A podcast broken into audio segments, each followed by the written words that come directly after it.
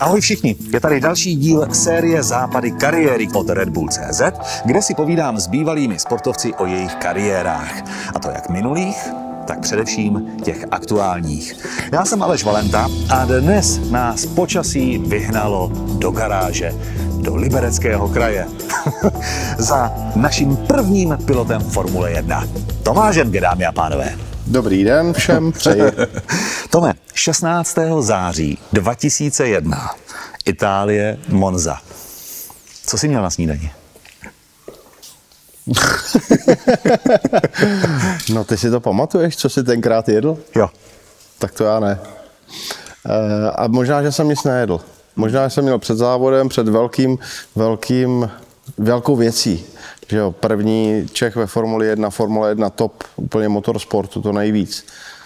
Je možný, že jsem ani nemohl jíst, ale myslím si, že jsem něco měl k snídaní, něco lehkého. Určitě nějaký mysli. Hmm. Jak se ti spalo? Já si myslím, že taky to nebyl moc velký problém. Já jsem zase tak, tak, tak nervózní nebyl tenkrát, co si pamatuju, protože uh, ono se hodně věcí, um, hodně věcí dělo za prvý. Uh, 11. září, že jo, spadly dvojčata, takže ten týden se vůbec nevědělo, jestli se pojede závody, jestli se pojedu, jestli se to nezruší, nebo, nebo jakým způsobem to bude. A um, pro mě to bylo všechno tak nový, že jsem ani nestihl být nervózní, protože jsem hltal všechno jak, jak eh, jak malý školák, jo, jak malý kluk, takže, takže já když jsem si až potom projel ten první závod, tak jsem to teprve, a navnímal jsem ho, tak jsem teprve um, zjistil, o čem to je a potom už na ty další dva závody, co jsem absolvoval, už jsem byl víc a víc nervóznější, protože jsem chtěl uspět víc a víc, ale já jsem měl v tom v průběhu celého závodního víkendu, to znamená ve volných trénincích, v kvalifikacích, v zahřívacím tréninku před závodem, což je, říká se tomu warm-up, eh, tenkrát se to ještě jezdilo, dneska se to už nejezdí, tak eh, jsem měl po každý technický problémy. Hmm. Jo? A jednou to byla převodovka, jednou to byl motor, jednou to byly brzdy, pak to nedobíjelo, pak eh, se zase hm, podělal motor nebo něco na motoru. A já jsem nastupoval do závodu a měl jsem odjeto pár kol jo, ve finále. Takže já jsem ani nedoufal, že dojedu do pátého kola, protože se něco rozbije. No a já jsem na tom autě pokazí. A já jsem nakonec eh, dojel bez problémů celý závod. Na 12. místě. Na 12. místě, což bylo vlastně velký úspěch, velký úspěch a moje nejlepší umístění, protože to jsem potom, to se mi nepodařilo potom zopakovat v těch dalších dvou závodech. Hmm. Je pravda, že ty si potom v dalším závodě, který byl v Americe, v Indianapolis, tam se byl 13. Ano. a potom následně ještě v Japonsku v Suzuce, když jsi odjel, Tak tam si nedojel. Tam si vlastně v tréninku měl havárii, potom tam byl technický problém s autem. Uh-huh. To auto bylo jako shit, nebo co, co to jako bylo no, za káru? Já jsem závodil vlastně končil, dokončoval jsem tu sezónu 2001 v týmu, který měl problémy existenční a finanční. Byl to tým Alana Prosta, 14 eh, mistra světa Formule 1. A ten tým samozřejmě tím, že neměl prostředky na to, ehm, na to dávat nový díly na auto, už se blížil konec sezóny, tak eh, se snažil jakoby dávat ty díly, které už byly použitý a který měli něco odjeto a, a samozřejmě ty díly potom odcházely. Takže, takže proto těch technických problémů bylo poměrně dost a, a, a já jsem vlastně viděl Alana Prosta jenom na těch prvních závodech v Monze a potom uh, ani v Indianapolis, ani v Suzuce už nebyl, protože údajně scháněl, scháněl sponzory na příští sezónu, aby ten tým mohl pokračovat v další sezóně nebo v dalších sezónách což se nakonec nepovedlo, takže, takže to byla vlastně i poslední sezóna týmu hmm. Prost. Hmm. Já nikdy u vás, kteří řídíte auta, závodní auta, nevím, jak vás mám oslovovat. Pilot, řidič, závodník. Co si? Race driver. No to je moc pěkný, to, ale to není česky. To není česky, no je to, eh, samozřejmě, můžeme říct, že mono, monopost Formule, nebo Formule 1, eh, vypadá jak monopost stíhačky, nebo, nebo jak kokpit stíhačky. Když si do toho vlezu, tak, tak je tam velice stísněný prostor. Eh, leteckým pilotům, letcům se taky říká piloti, takže, takže de facto může to být závodní pilot, mm-hmm. může to být závodník, Ehm, každý tomu říká jinak a ve finále všichni víme, o čem mluvíme, takže, hmm. takže ehm, je to úplně jedno. Hmm.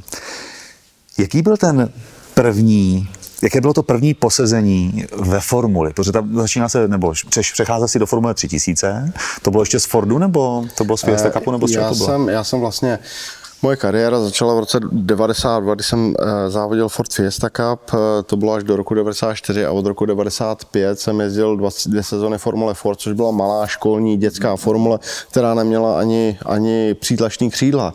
Eh, mělo to drážkovaný pneumatiky, takže, takže ta formule byla hrozná zábava. Mělo to čtyři kvalty, mělo to 1,8 litrů Ford motor a, a byla to prostě školní formulka, s kterou se jezdilo pořád driftem. Pak jsem jezdil dvě sezóny Formule 3, nebo sezónu a půl Formule 3 a e, to bylo, to bylo zase auto, e, s kterým jsem musel jezdit jak po kolejích.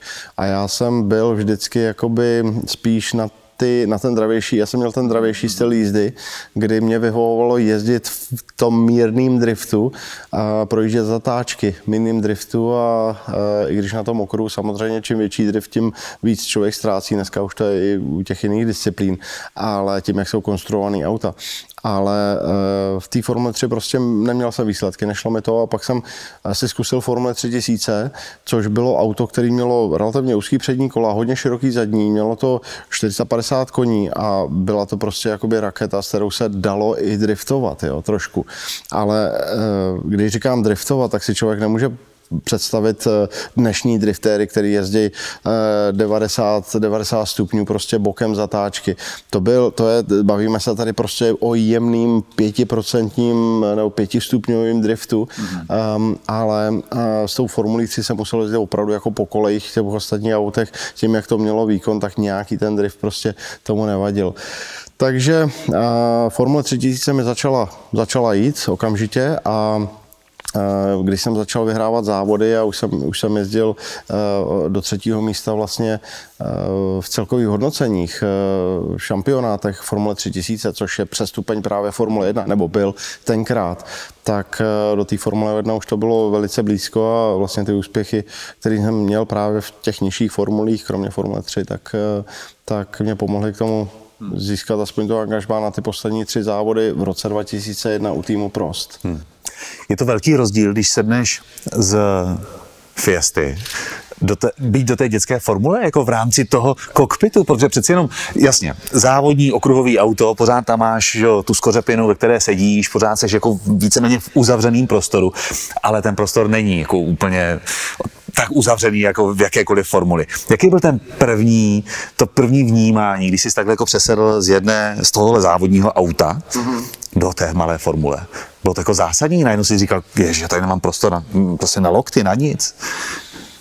Um, hele, tím jak, tím, jak ta formule eh, funguje mm-hmm. podvozkově, motorově a prostě tím, jak je lehonká, tak, tak tak jede strašně dobře, strašně, strašně e, pozdě člověk může brzdit do zatáček, rychle projíždět zatáčky a je to, je to zábava a člověk, když miluje rychlou jízdu, tak chce jezdit e, rychlejc a rychlejc.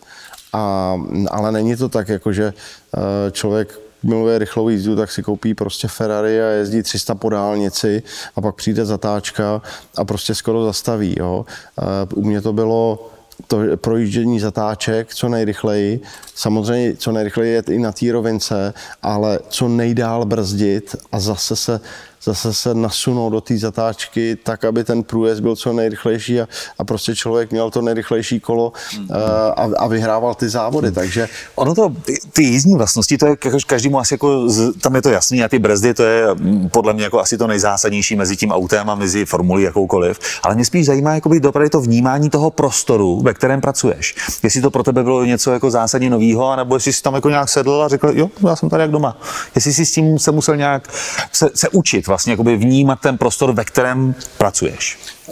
Určitě, ale tenkrát mě bylo 18 let, tenkrát prostě pro mě tohle to byly vedlejší věci. Táta nikdy neměl rád formule, jezdil mistrovství Evropy, eh, cestovních vozů, jezdil cestáky, jezdil okruhové závody, eh, ale vždycky jenom kapotovaných autech. A neměl, zkusil si někdy formuli, jednou si ji zkusil, myslím, a e, neměl dobrý pocit z těch odkrytých kol.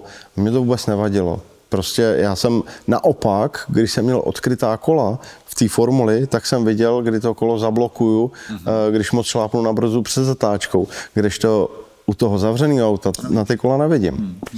Takže ten stístěný pocit to k tomu patří. Samozřejmě mm, nemohl, měl jsem otlačený lokty z té formule, měl jsem samozřejmě mozoly na rukou odřazení, protože ta řadící páka je malinká, krátká tyčka, ale ale to všechno k tomu patří, protože ten adrenalin, který člověk cítí ve formulí, eh, ve formulích nebo ve formulích závodech eh, z té samotné jízdy eh, předčí všechny bolesti na těle. Ty jsi letos ukončil, nebo si ve fázi ukončování osmileté spolupráce v německém závodním týmu, kde jsi byl v pozici tým manažera. Rozhodně si měl asi možnost nahlédnout do, do obchodování s jezdci.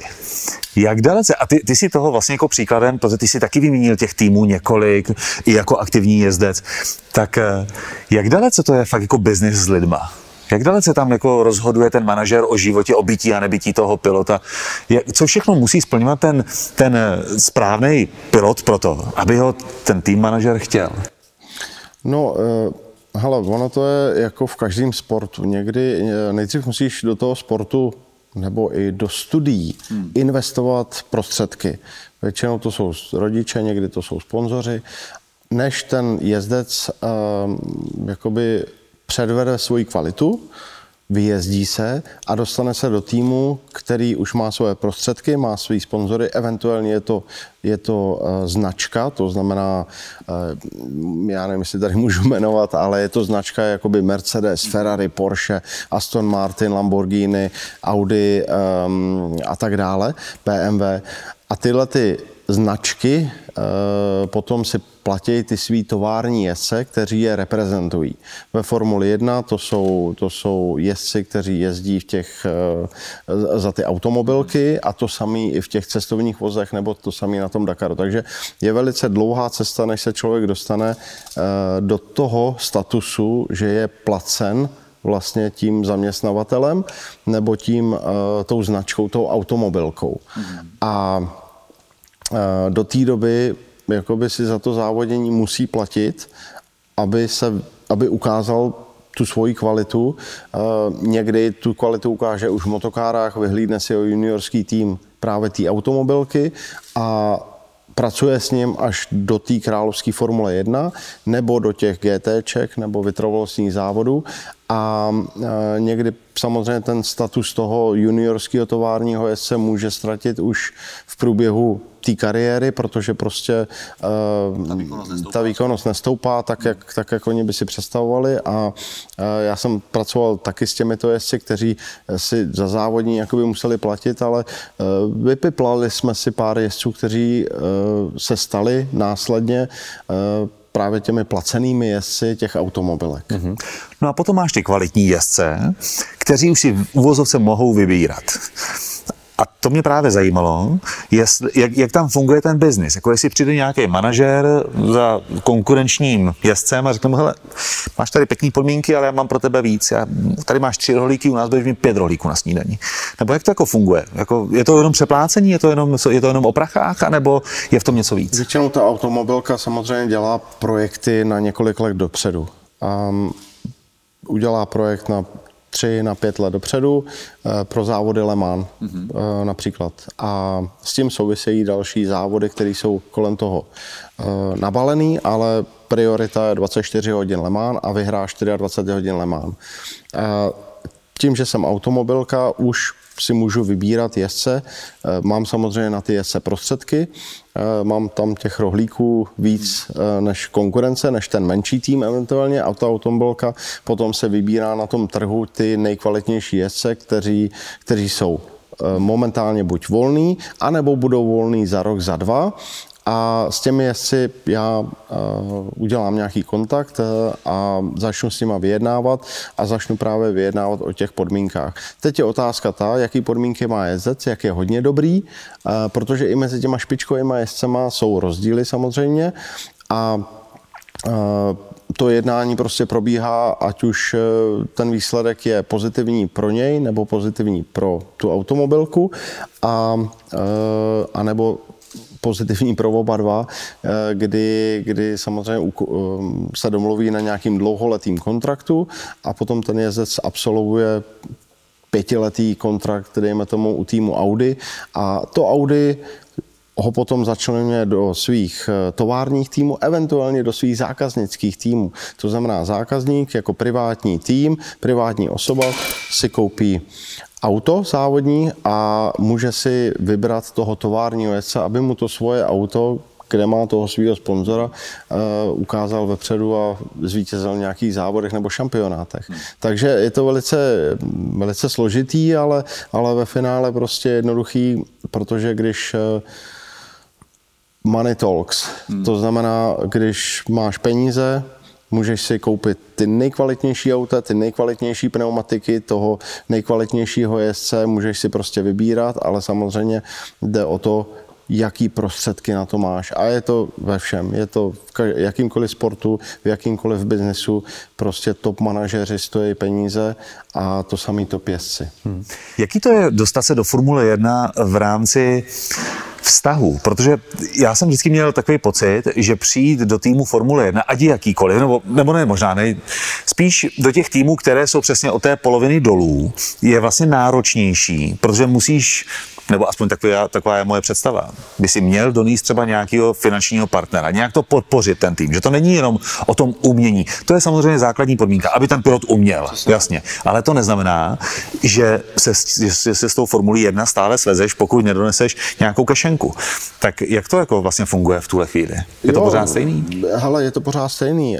Buď v těch nižších týmech nebo těch slabších týmech jezdí juniorští jezdci těch top týmů a vyjíždějí si ty, projíždějí si ty okruhy a sbírají zkušenosti tak, aby mohli jednou místo toho Hamiltona nebo místo toho Fetla eh, do těch top týmů eh, vstoupit a nahradit je, Sbírá, sbírají zkušenosti v těch nižších týmech, anebo prostě to jsou jezdci, kteří mají super talent, ale mají i za sebou eh, velkého partnera, velkého sponzora.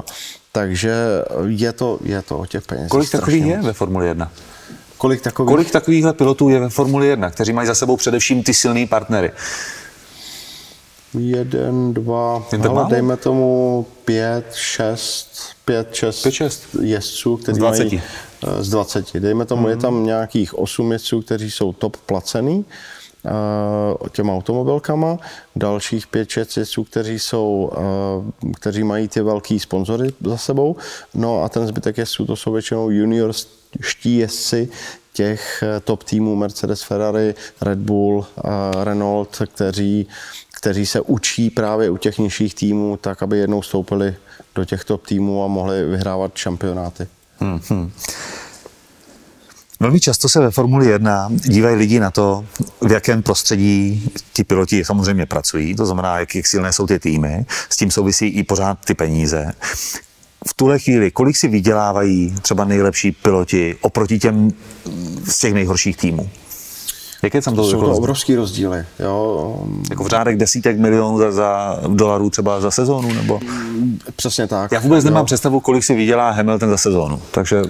Já, takhle, tyhle, ty, tyhle ty čísla jsou veřejně známý, eh, kolik dostávají od týmu. Samozřejmě nikdo neví, kolik eh, ten jezdec si vydělá eh, skrz osobní sponzory. Jasně, osobní ale sponzory. týmu třeba má Hamilton kolik, jenom abychom... Já si myslím, že to bude nějakých třeba 20-30 milionů dolarů za sezónu, možná i více, ale zase já tyhle ty čísla už teďka moc nesleduju. Dřív jsem to sledoval, ale, ale teď už eh, jakoby je to mimo mý, eh, mý dění. Každopádně eh, ještě aby jsme se vrátili k tomu talentu, ještě aby jsme se vrátili k těm penězům, ono ten jezdec a ještě aby jsme se vrátili k té selekci těch uh, samotných jezdců, skrz ty motokáry, skrz ty juniorské formule, skrz ty uh, Formule 3, Formule 2 až do té Formule 1, tak tak, aby jezdec podával ty špičkové výkony. Těch jezdců, kteří podávají špičkové výkony, které jsou fakt dobrý, je strašně moc ale ve finále eh, tahle selekce probíhá právě eh, díky hlavně eh, psychice toho jezdce. Hmm. Čím víc jezdec stoupá v tom žebříčku od těch motokár až po Formuli 1, tím větší samozřejmě na ně je tlak od okolí. Tím víc jsou ty závody sledovaný, tím víc má sledujících fanoušků, tím víc eh, má na sebe tlak od manažera nebo eventuálně od těch sponzorů, tak, aby se do, do té Formule 1 dostal a tím víc eh, dělá člověk rozhovorů, tím víc samozřejmě je potřeba těch, těch peněz a toho budžetu a ten tlak na toho jezdce je obrovský a ten jezdec potom nejenom, že nemá čas ani na nějakou přítelkyni, eh, protože prostě samozřejmě na to musí mít čas, ale, ale nemá čas ani na to se soustředit a potom kolikrát se stane to, že má v hlavě trošku guláš a, a ta psychika prostě hraje roli, strašnou roli v tom, že se nedostane do těch vyšších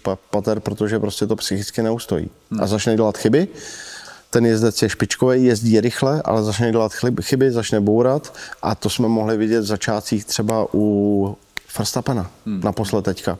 Eh, super talent, všichni to říkali, ale potřeboval se jednu sezónu vyjezdit, odbourat si to. Naštěstí mu tu sezónu dali. A naštěstí mu tu sezónu dali a pak, eh, pak ho hned posadili do Red Bullu z Toro Rosso, vlastně z juniorského týmu a tam zazářil hned při první závodě a pak už prostě jel jak hodinky.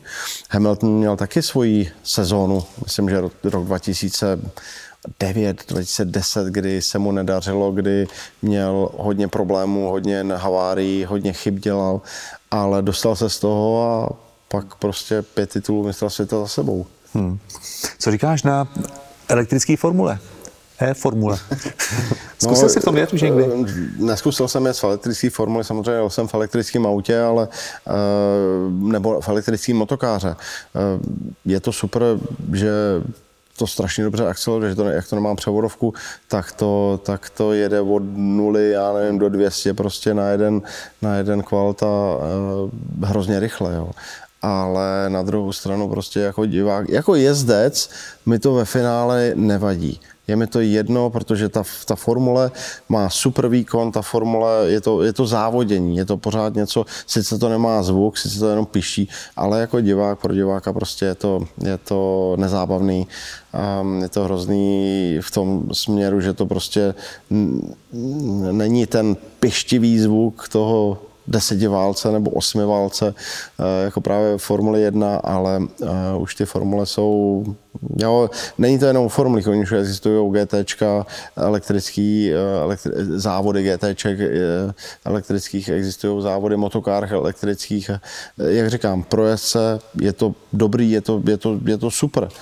Jo, má to dobrý výkon, ale mm, samozřejmě je problém nejenom s tím, jak dlouho vydrží ta baterka, ale ve finále, jak se ty baterky nabíjejí. Jo. Takže, takže o nějaké ekologii dneska nemůžeme moc, moc mluvit, protože aby ty baterky všechny uchladily, tak potřebují obrovský generátory, který nejenom vyrábí ty elektriku, elektriku, který nabíjejí tu baterku vlastně do těch formulí, ale hlavně chladí ty baterky. No a to je v rámci jo. motoristického sportu, že? To je v rámci motoristického sportu, v rámci normální dopravy to tak není, ale samozřejmě um, člověk, když cestuje, já nevím, najede 500 tisíc kilometrů denně, tak um, potřebuje denně.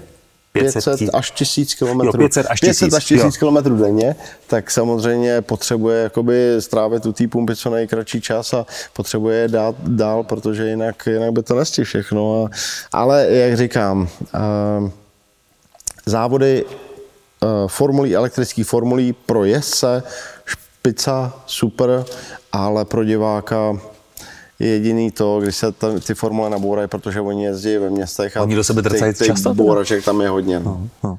Jedna věc jsou elektroauta, druhá věc, další takový fenomén, kor během eh, teď pandemie, tak to bylo, to bylo vlastně jako online řízení, že jo? nebo online hry, nebo já nevím, sim jaký, racing, no, závody sim na racing, to je, jako, mně to přijde, to je teda jako divácky velmi nezáživný, to je ještě víc než teda ty elektroauta. No.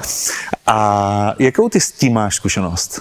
Já si teď mám právě zkušenost, protože my jsme jako Bagira Racing eh, začali pořádat náš uh, virtuální seriál GT závodů a samozřejmě já, i David Vršecký, i Alaja Koloc, eh, i Jasmín jezdili, jsme jezdili závody online právě v té dobu, kdy jsme nemohli závodit nebo ani testovat na závodních tratích, bylo všechno zavřený. A uh, hele, závodíš tam proti špičkovým profesionálům, kteří někteří jsou za to dokonce i placení. Ale profesionálům u počítače, ne těm profesionálům pilotům. Počítače, přesně hmm. tak. Jsou to kluci, lidi, borci, kteří e, závodí 10-20 let na tom simulátoru, jezdí, jezdí, trénuje. A jsou, to, jsou to prostě lidi, kteří e, jsou zvyklí cítit to auto jenom podle očí, podle toho, co cítí ve volantu a podle pedálu. A nejsou zvyklí ho cítit sedačkou, zadkem. zadkem, tak jako my. Takže samozřejmě dostáváme hrozně naloženo. Eh, teďka oni trénují 10-20 let, každý den 5-6 hodin. Opravdu, to máme, to víme, to, to jsme zjišťovali, protože jsme samozřejmě nevěděli, proč jsme tak pomalí, proč, proč nám to tak nejde, eh, proč děláme furt chyby a prostě všichni říkají, hele, eh, my jezdíme. My jezdíme, my jsme dokonce na té naší hře, v které závodíme, tak eh, vidíme, kdo kolik najel za celou tu dobu pod svým loginem kilometrů. Mm-hmm. A I v trénincích. I v trénincích, i v závodech. A jeden borec, hádej, kolik má najeto kilometrů v tomhletom online racingu. Jenom na této jedné hře a těch her existuje spousty. No to, já to jako nedovedu odhadnout na kilometru. Ale eh, dovedl bych si představit, že přesně jako Borec přijede domů a 7 hodin u toho sedí v podstatě každý den, tak já nevím, kolik můžeš za hodinu najet kilometrů. 250, 300 kilometrů za hodinu najedeš ve formuli průměrně možná, nevím. No, tak by se to asi dalo spočítat, ale nevím. To je velký číslo. Kolik to je? 4,5 milionu Ježíš. kilometrů. 4,5 milionu kilometrů má frajer naježděno na tom simulátoru, když je online když je offline a jede tu hru, tak se mu to nezapisuje no, ty kilometry online. Takže, a to je jenom v této jedné hře. To samozřejmě tyhle borci jezdí eh, různý jednotlivý hry a závody, jezdí si v téhle sérii, v téhle sérii. Prostě online racing je poměrně velký, je to jako gaming mm. na počítačích a dneska prostě ty hm, hlavně mladí samozřejmě za, za, na tom počítači strávají poměrně dost času a člověk jako nechápe, jak někdo může strávit celou noc eh, na tom, že hrá nějaký střílečky a to samé prostě v tom online racingu, v tom, v tom sim racingu.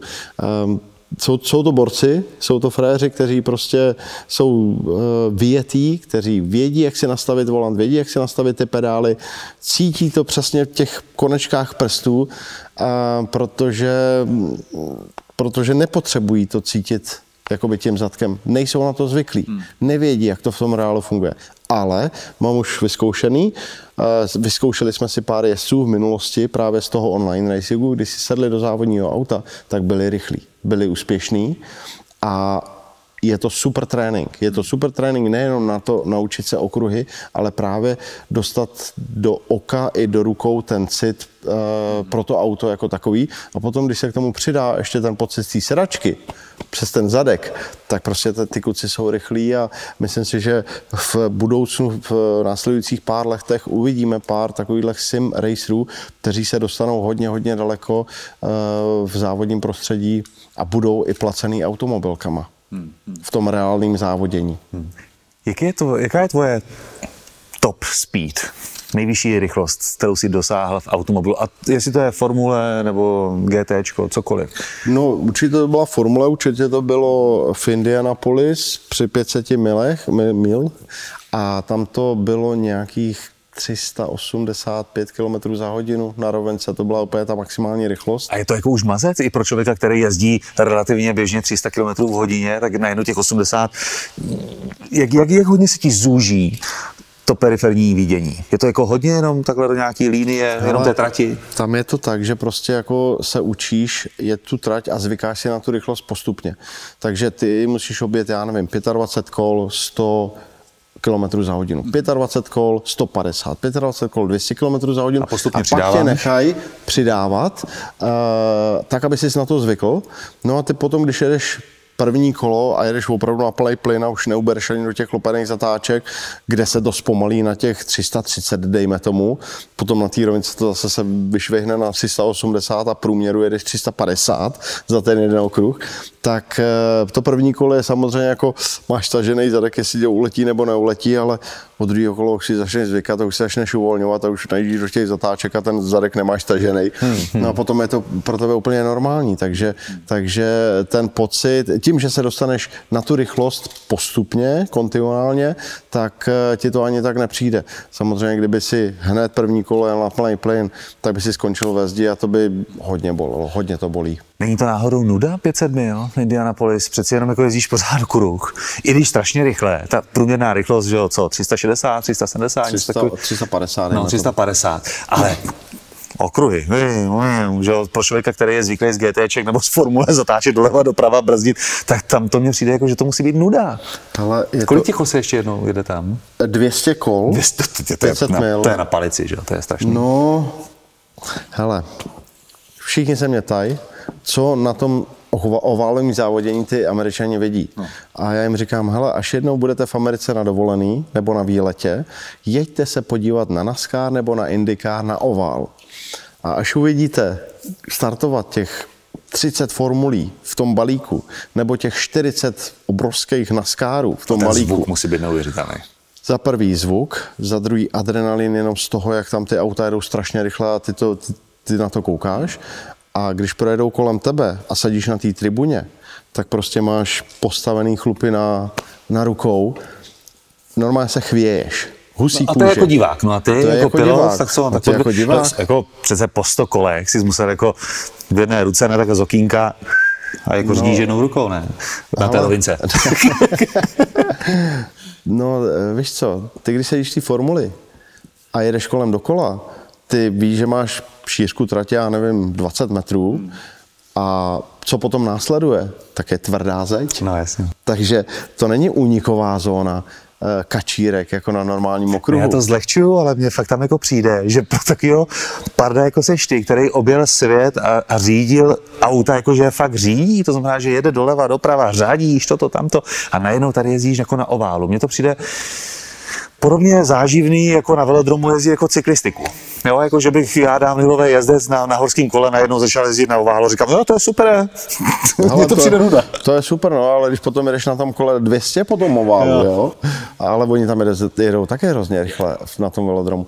Každopádně tam, hele, tam je to o tom, že máš, jedeš 350, Teď máš auto těsně před tebou, nebo balík aut těsně před tebou, máš vedle sebe, nebo pod sebou, za sebou a ty vlastně tam máš hrozně omezený pohled. A ty máš na nejvyšším místě toho oválu máš spotera, což je člověk, který ti hlásí do vysílačky, jestli není nějaká bouračka před tebou, aby si stihl zareagovat, jestli uh, ten frajer, co tě začal předjíždět, jestli tě předjíždí zprava, jestli už tam je, jestli už tam má křídlo, aby ho nezavřel nebo aby se ho nedotk, protože jedno dotknutí, tak to opravdu bolí, hodně bolí. Takže ten adrenalin tam je celých 200 kol, a prostě vyhrát jako Indy 500 eh, nebo vůbec vyhrát jakýkoliv oválový závod je, je neskutečný, protože tam, tam je to o centimetrech. Jo? Je to, když se mě zeptáš, co prostě byl pro mě největší zážitek nebo adrenalin, tak ti řeknu dvě věci. Formule 1 byla top, ale největší asi adrenalin jsem zažil v IndyCar a nebo v rally. Hmm. Hmm. Nejdražší auto, které si kdy v životě řídil? No, já musím říct, že jsem asi žádný moc drahý jakoby neřídil. Eh, jo, jestli jsem někdy řídil nějaký Ferrari nebo Porsche, ale jsou tady samozřejmě dražší auta. Já v tom normálním provozu jakoby tyhle drahý auta nechci moc ani řídit, protože to se bojíš, aby do tebe někdo nevrazil. To je to samé jako jet na motorce. Taky se bojíš, aby do tebe někdo nevrazil, nebo aby si, aby si eh, no, obrubník eh, neškrtnul kolo. Ale samozřejmě asi Formule 1 bude ta top technologie. To znamená, top technologie znamená mm, drahý díly, drahý vývoj těch dílů a to znamená nejdražší auto. Hmm. Takže Formule 1. Je něco, co si ještě nikdy neřídil a chtěl bys to řídit? Neřídil jsem nikdy NASCAR, eh, ale jinak... Co třeba hele, tank? Tank jsem taky neřídil. Tank... a měl bys si chuť jako řídit nějaký takovéhle věci? Asi, asi proto, abych měl čárku, ano, jo, jo ale, ale nemyslím si, že by to měl být jakoby pro mě nějaký adrenalin, když jsem zažil lítat prostě po oválu 350, 380, jo, to je a s autama kolem. Obrovský nebezpečí. Jo, nebo když jsem zažil lízdu, já nevím, 170, jdeš po úzký rozkákaný cestě lesem mezi stromama a jenom posloucháš spolu, protože nevíš, kudy vede trať. To je asi to nejvíc, jakoby, co člověk zažije a potom všechno ostatní už jakoby není úplně to top, jenom kvůli, kvůli tomu, že, jsem, že bych to zažil, ano, s tankem to by mohla být atrakce autobus jsem třeba, myslím si, neřídil double decker, eh, to, to si nedokážu představit, že bych jezdil pod, eh, pod drátama někde double deckerem nebo nějakým tunelem, ale ale já prostě si myslím, když se podívám kolem a kolem, tak jsem opravdu jakoby dneska řídil skoro, skoro všechno. Hmm. Niki Lauda byl milovníkem létání. To tě nelákalo nikdy? No, já od určitý doby jakoby nemám rád výšky. A nikdy jsem se to nějak neuvědomoval, proč vlastně, když jsem na té věži v, eh, někde v tom v tom Kuala Lumpur, proč vlastně se nemůžu podívat dolů. A pak jsem teda zjistil vlastně, že mi to nedělá dobře, že mám, nevím, jestli asi tomu to říká závratě, že jo. Takže po, potom, po co si po třetí zvracel, si zvědomil, že no, to nedělá dobře. To nezvracíš, ale prostě ten mozek, ten mozek si jako najednou uvědomí, že to by bylo, bylo asi hodně bolestivý, kdyby, kdyby se tam ta, to sklo uvolnilo, Až do důsledku na, na, na kterým stojím, ale, ale mm, mě hrozně lákalo lítat vrtulníkem. Chtěl jsem si udělat licenci, ale nikdy jsem k tomu neměl příležitost ani, ani moc času, takže, takže to uh, asi v mém věku už se nenaučím nikdy, ani do toho nepůjdu. No naopak, Tom Cruise, ten nedávno si udělal vlastně pilotní zkoušky a lítá vrtulníkem a je výborný pilot. No, možná na to má čas, teď se pohybuju furt kolem těch mladých jezdců a kolem závodních týmů, takže, takže toho času je málo, nehledě na to, že rodina už hmm. je větší a větší a člověk musí mít taky trošku starosti o ně. Když jsme u rodiny, v tuto chvíli syn Jonáš, už máš jasno, co bude dělat? Přeci jenom tatínek vynikající závodník, ty vynikající závodník. Syn Jonáš. Ještě, ve čtyřech letech. Hraje si s autíčkama, nebo si hraje... Hraje si s autíčkama, samozřejmě jo. s panenkama ne. No, tak já jsem myslel třeba nářadí, jestli nemá, nebo já nevím, jestli nepůjde ale spíš jako do té technické stránky. Nářadí má, autíčkama, eh, všechno jakoby, eh, je to takový tak trošku i vesnický dítě, jo, protože lítat venku, to je pro ně to nej, nejlepší, největší, eh, jako s každým dítětem. Ještě jsem ho nevzal na závody, a myslím si, že začíná chápat, že tatínek je závodník eh, a jezdí se závodničkou a já nosím to, že jo, to tričko s tou závodničkou, mm-hmm.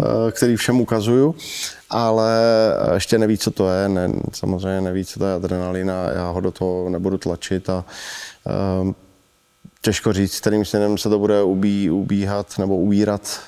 Uh, nem, víš co, já jsem hrál hokej, když jsem byl uh-huh. malý.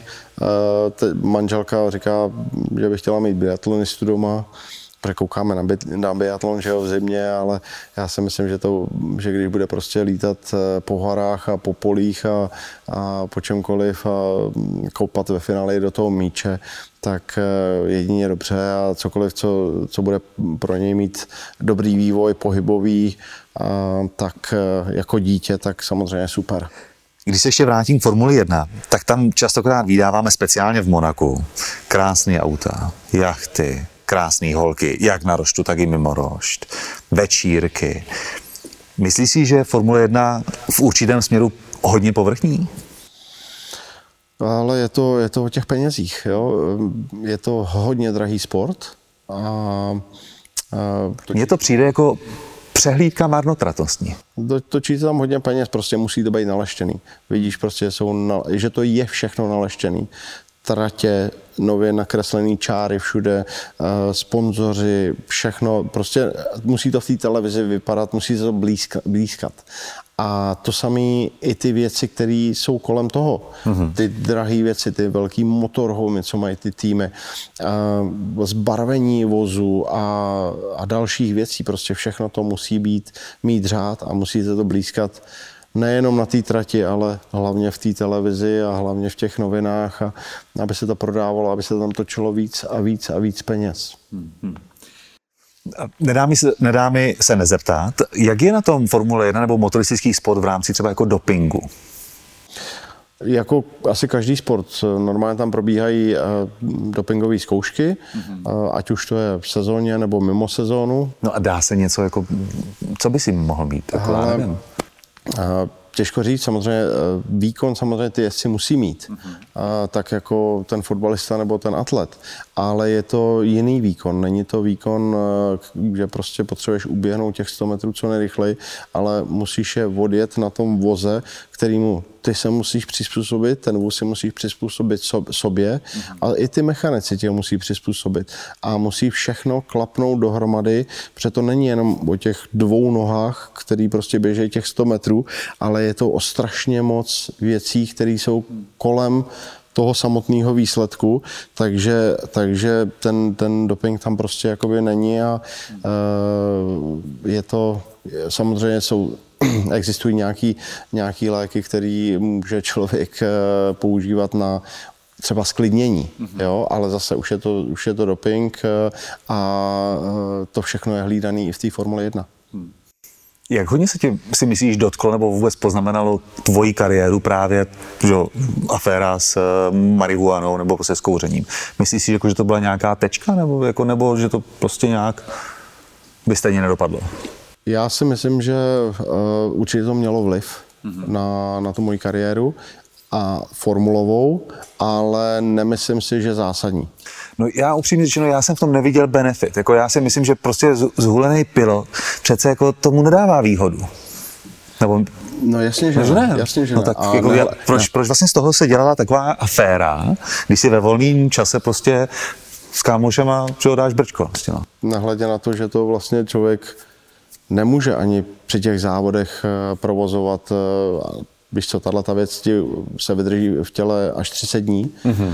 nebo nějakou delší dobu, takže, takže samozřejmě, když někde k tomu někdo přijde, tak uh, i za další dobu se to v tom těle najde. Mm. A uh, já si myslím, že tenkrát, jakoby, uh, když jsem měl Formuli 1 2001 a Eh, jel jsem ty tři závody a potom od roku 2002 jsem měl znovu Formuli 3000 a ta Formule 1 už nepřišla, že tam jakoby ten vliv na to nějaký byl, ale nebyl tak zásadní, protože potom stejně jsem získal angažma vlastně v továrních týmech, eh, GT závodech, vytrvalostních závodech a tam jsem jakoby našel uplatnění a, a, a ta kariéra vlastně toho formulového se přešla toho GT, tak jako se to stává při spoustě dalších eh, eh, jezdců nebo spoustě dalších jezdců, že vlastně, eh, když chtějí pokračovat dál v tom, v těch, v tom závodní, profesionálním závodění, tak jdou do těch GT nebo vytrvalostních závodů do Le Mans. Hmm. Mně, mně osobně to přišlo, říká, já si to pamatuju jak teď a v tuhle chvíli se o tom můžeme bavit jako free, protože že jo, prostě už je to dávno. Ale v té době, když jsem, když jsem se to dozvěděl, tak jsem říkal, proč to tak všichni jako řeší? O co jde? No, protože jsem byl první. Uh, vlastně, no byl jsi na očích samozřejmě. Byl jsem na očích, byl ale... jsem první, který ho jakoby to zasáhlo, nebo který ho chytili a jestli i otestovali, jestli se to začalo v tu dobu jakoby testovat a nehledě na to, že jsem byl bývalý jezdec Formule 1, protože se dostalo v roce 2002. Hmm. Takže, takže proto to bylo tak medializovaný. Hmm. Ale jinak večírky ve Formuli 1 nebo v motoristickém sportu jako běžná záležitost asi ne? Nebo jsou jako, hodně se kontrolují uh, piloti. U nás ve freestylu vždycky proběhl závod a potom byl večírek. Jo, protože si potřeboval někde se uvolnit, že ten adrenalin, který si během toho závodí nějak do sebe dostal, tak si to potřeboval někde pustit. A jestli to bylo na tanečním parketu, anebo někde jako v hospodě s kámošama, to už bylo víceméně jedno, už jako dosportoval. Jak to, mají, jako, jak to máte vy, profíci v motoristickém sportu? Jako jsou až příliš jako jednostranní, že dělají jenom tento závodění, od závodí si potom jdou rychle spát. Niki Lauda takový asi byl, že? ale zbytek? Ale dneska prostě to je už strašně profesionální a, hmm. a já nevím, jak ten freestyle třeba v dnešních dnech. No eh, pořád stejně. Letech, pořád jako je to míň, ale... Pořád stejný. ale to freestyle. takhle. Formule 1 vidíš, uh, jak se blízkne, hmm. jo, zvenku a musí se blízkat, blízkat i zevnitř. A jakýkoliv, ehm, jakákoliv fotka nějakého jezdce, kromě Kimiho Raikkonena. Kimi si může dělat, co chce. To je Bůh. tak, eh, tak prostě jakákoliv fotka nějakého jezdce, eh, okamžitě velký, velký výbuch a ty automobilky, které platí ty jezdce velkými penězi, tak eh, se snaží být na oko navenek prostě ty nej, nej, nej a tu negativní reklamu jakoby nepřijímají. Hmm. Jo? A můžeme to vidět prostě na Volkswagenu, kdy měli Dieselgate, prostě aféru a v průběhu pár let po té aféře se jejich motoristický sport obrátil jenom k elektrice, výroba vazů jenom k elektrice a snaží se být na oko ty nejčistší, ty nejlepší, protože, ale tahle aféra samozřejmě byla hodně negativní, ale ten obrat, co ta automobilka udělala, je tak obrovský proti tomu, jak se přizpůsobují další automobilky právě té elektrifikaci, um, vývoje aut, silničních i závodních, tak, um, tak, je, tak je extrémní a to bych právě přirovnal tu Formuli 1 k tomuhle tomu, kdy, kdy jakýkoliv negativní uh, pohled na tu Formuli 1 anebo na nějaký článek té Formule 1, ať už to je jezdec, tým, mechanik, kdokoliv, uh, nebo třeba špatná havárie, nešťastná havárie, tak, uh, tak samozřejmě ta Formule 1 si to nechce připustit a okamžitě se těch negativních článků zbavuje. Hmm. Já si nespomínám, že ty by si byl kdy nějak jako těžce zraněn, to by se to vyhýbalo, nebo měl jsi nějaký zranění? Já si myslím, že jsem byl jakoby trošku dítě štěstěny a pořád jsem. To znamená, že... A to si zaklepeme. Na to si zaklepeme na hlavu. Tři. Každopádně eh, já jsem měl pár nehod, takhle, vždycky, když jsem měl nehodu, tak to byla velká nehoda. Jo? takže, takže zlomený žebra, měl jsem naprasklý obrlatele, mám, mám železo v levém lokti a, a tomu říkáš dítě štěstěný? Dítě štěstěný, mm-hmm. protože prostě ty, ty nehody mohly dopadnout daleko hůř a ve finále, ve finále pořád, vždycky jsem to rozchodil bez problémů, eh, zahojilo se mi to a eh, dneska prostě ještě pořád můžu super závodit a, a baví mě to, takže, takže a pořád jdu dál mm, za dalšími cíly eh, v tom, v tom závodním životě, takže, takže já musím zaklepat na to, jak velký jsem nahody a kolik jsem jich měl, tak jsem dopadl velice dobře a říkám tomu dítě štěstěny. Hmm. Jak dlouho se dá v automobilovém závodním průmyslu udržet? Jak dlouho může člověk sportovat? Ale když se podíváme na určitý extrémní situace, ať už to je Jarda Hoše, který jezdí uh, autocross, já nevím, 50 let, tak uh, tomu je 70, přes 70 a pořád jezdí, pořád prostě se tam drží. Tam se taky vidíš? v autokrosu no, třeba, nebo v 70. Nebo to spíš na 70. Já, takhle, já říkám, že každýho roku, kterýho se člověk dožije, tak eh, za ně může být šťastný, ale jakoby na té špičkové úrovni, eh, na profesionální úrovni se myslím, že se dá závodit do 50 úplně bez problémů. Vždycky záleží na té schránce, kterou prostě máš na sobě. A jak ji opečováváš? Jak ji opečováváš, přesně tak. Takže samozřejmě věkem ti eh, se zhoršuje zrak, věmy, reakce, cit, sluch a všechny tyhle ty věci eh, potom tě dělají pomalejšími. Jo, takže uh, i v tom závodě nikdy rozhodují desetiny sekundy uh, a potřebuješ být co nejrychlejší, potřebuješ mít co nejrychlejší reakce, tak potřebuješ všechny tyhle ty věmy, aby si měl co na nejlepší úrovni, aby si mohl stačit těm 20 letým, 30 letým klukům, nebo i mladším, nebo starším a ale jak říkám, myslím si, že třeba já u sebe vidím, že do 50 je úplně v pohodě. Hmm. Poslední tři otázky našeho dnešního rozhovoru, pracovní název Triple X. Co by ses chtěl v životě ještě naučit? Uh. No, rozvrhovat si čas eh, tak, abych měl spoustu času na rodinu, na práci, tak rozhodovat si ho správně, což se mi asi nepovede, ale učím se, učím se, učím se a učím se za pochodu samozřejmě Ale co bych se chtěl naučit? No, jak jsem už tady říkal, jako lítat vrtulníkem by bylo super, ale nevím, nevím, Možná, možná, možná tenhle ten rozhovor povede k tomu, že bych o tom mohl začít víc a víc přemýšlet a eventuálně to zkusit. Co považuješ za největší, nejtěžší rozhodnutí svého života? Hmm. Tohle jsou vždycky otázky, kámo. Já vždycky říkám, že kdokoliv se musí rozmýšlet nad touto otázkou, co považuje za nejtěžší rozhodnutí svého života, je vlastně velmi šťastný člověk, protože to nejtěžší rozhodnutí zřejmě ještě nepřišlo. A to je dobře, protože těžká rozhodnutí většinou jsou negativní. Těžká Přesně rozhodnutí tak. většinou mají v sobě nějaký náboj ano. jako určitého ano. zklamání, ano. určitého loučení. Ano.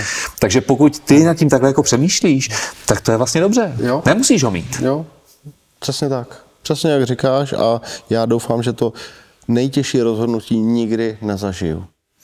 A poslední otázka. Na co se těšíš v důchodu? Já bych tu otázku uh, řekl jinak, nebo situoval jinak. Jestli se dožiju důchodu, tak se budu těšit na ten důchod. Každopádně já čím jsem starší, tak tím říkám, tím víc říkám to, že eh, člověk si prostě musí eh, uvědomovat a být šťastný za každý ten rok života, který ho, který ho dosáhl a eh, čím je člověk starší, tak tím jako se říká, tak co, tak ještě rok, ještě dva, ještě tři, do kolika to asi bude. A čím jsi starší, tu, tuhle otázku si dáváš víc a víc. Mladí 20 letý kluci, ty, ty nevědí, o čem mluvíme. Ale my už jako si říkáme, hele, tak bude to 70, bude to víc, bude to míň. A chci se toho důchodu dožít.